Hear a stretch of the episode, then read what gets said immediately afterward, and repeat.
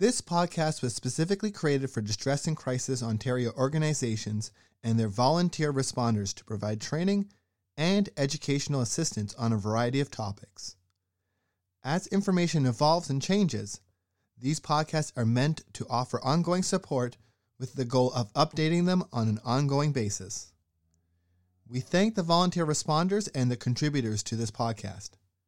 Please visit our website, dcontario.org, for more information and how to access free mental health services. Thank you.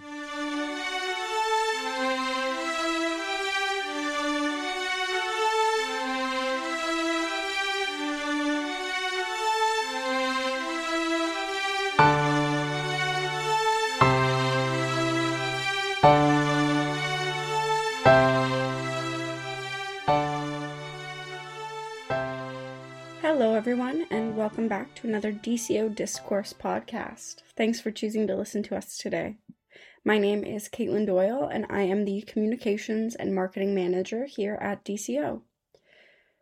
February is Black History Month, and we also believe it's important to mention that February 1st to 7th, 2024, is Eating Disorder Awareness Week.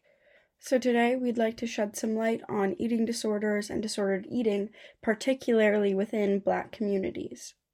So, let's start by understanding the distinction between eating disorders and disordered eating. So, disordered eating encompasses a range of irregular behaviors related to food, exercise, and body image. Though it's important to note that disordered eating doesn't meet the specific diagnostic criteria for an eating disorder outlined in the DSM 5, or the Diagnostic and Statistical Manual of Mental Disorders. So, examples of disordered eating include guilt and shame around food, that classic yo yo dieting, going back and forth between diets, rigid food rules, and concerns about body image. Types of eating disorders are as followed and these descriptions are from the National Eating Disorder Information Center, or NEDIC. First, we've got anorexia nervosa. Anorexia nervosa is a mental illness characterized by behaviors that interfere with maintaining an adequate weight.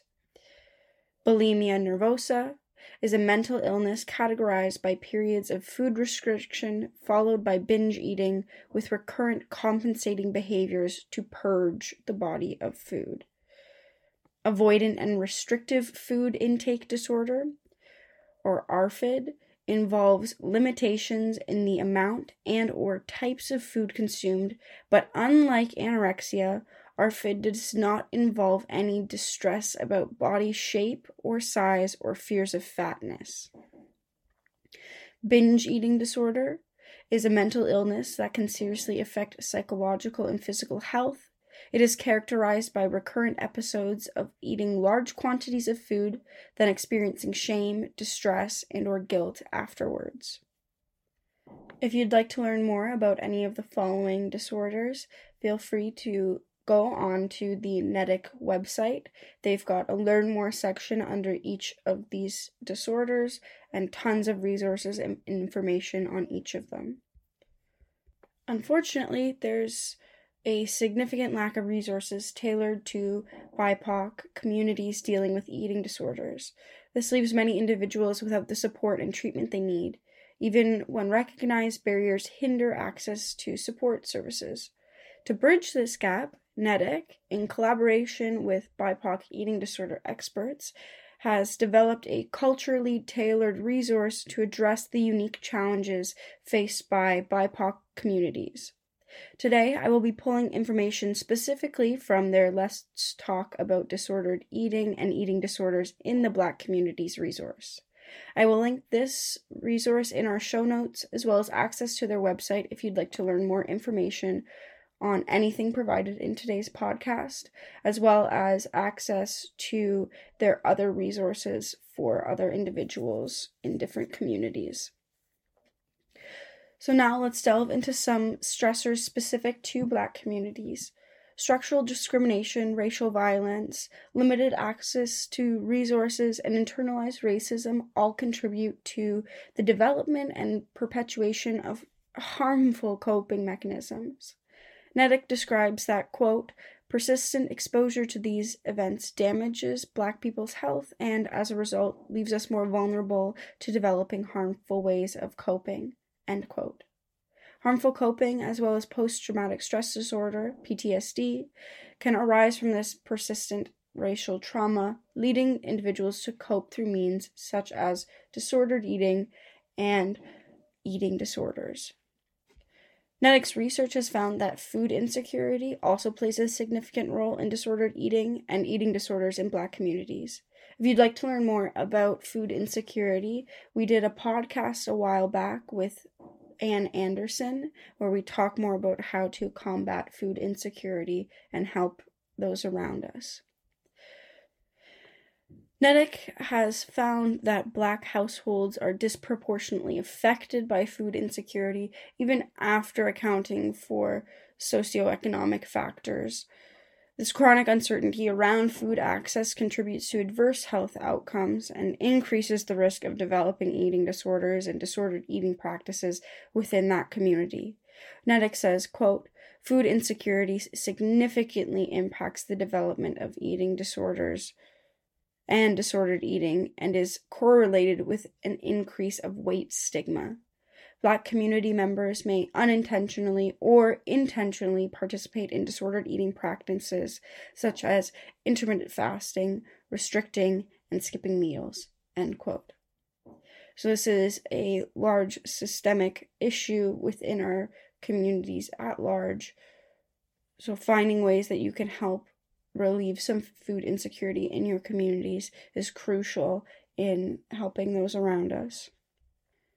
NEDIC describes that it is also important to recognize and address the unique challenges faced by Black communities regarding eating disorders and disordered eating. And so, healing for these disorders might look different than in other communities. In the journey towards healing, community support plays a vital role. Many organizations are dedicated to providing safe spaces specifically for Black individuals where alternative methods of healing are embraced. So these spaces encourage reclaiming language and actively confronting systemic injustices prevalent in various industries. Alternative healing methods often involve somatic practices infused with creativity, dance, singing, offering a holistic approach to wellness and empowerment. NEDIC provides the following options for healing. They say body movement groups are very helpful, peer support groups, as well as art therapy. It's also important to acknowledge the fat liberation and body positivity movements that have been so important in reclaiming language that historically harmed individuals, particularly black individuals in larger bodies. The fat liberation movement aims to dismantle systems that have marginalized fat people for centuries, impacting areas such as healthcare, fashion, transportation, and accessibility. Traditionally used to shame or ridicule people, fat is now being embraced to celebrate the diversity of body shapes and sizes. This reclamation signifies a shift towards recognizing equal worth and treatment of all bodies, regardless of shape, size, color, and so on. So, how can we support those struggling and uplift all of our communities here in Canada and beyond? So, this is pulled directly from the NEDIC resource.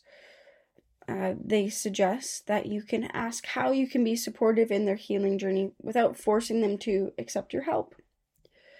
Avoiding reducing their experience to a single cause or reason do not make their experience something that is entirely because of you or because of one thing. Um, obviously, we've talked about a plethora of causes to eating disorders, and it could not be just one of those things. It could be all, it could be three, and it's important to not reduce anyone's experience. Be mindful of the language that you're using to describe bodies. Try to eliminate phrases like too skinny or too fat from your vocabulary and accept the wide range of bodies that occupy space with us. Avoid offering simple solutions to complex problems. Just like we don't want to reduce anyone's experience to just a single cause or reason, advice like just eat or just go for a walk may be interpreted as if I do this one thing, then all of my problems should go away, which is negative rhetoric to have. Be open to having difficult conversations about food, fat phobia, and shame. We know that having conversations about these hard topics is so important in many people's healing processes. So be open to having those conversations. And also be aware of your own eating patterns or behaviors and discussions around dieting, which can further maintain a loved one's eating disorder. Check in with yourself to determine if you have the capacity to support your loved one. It's okay to ask for space or to provide support by finding a professional who can address their needs effectively.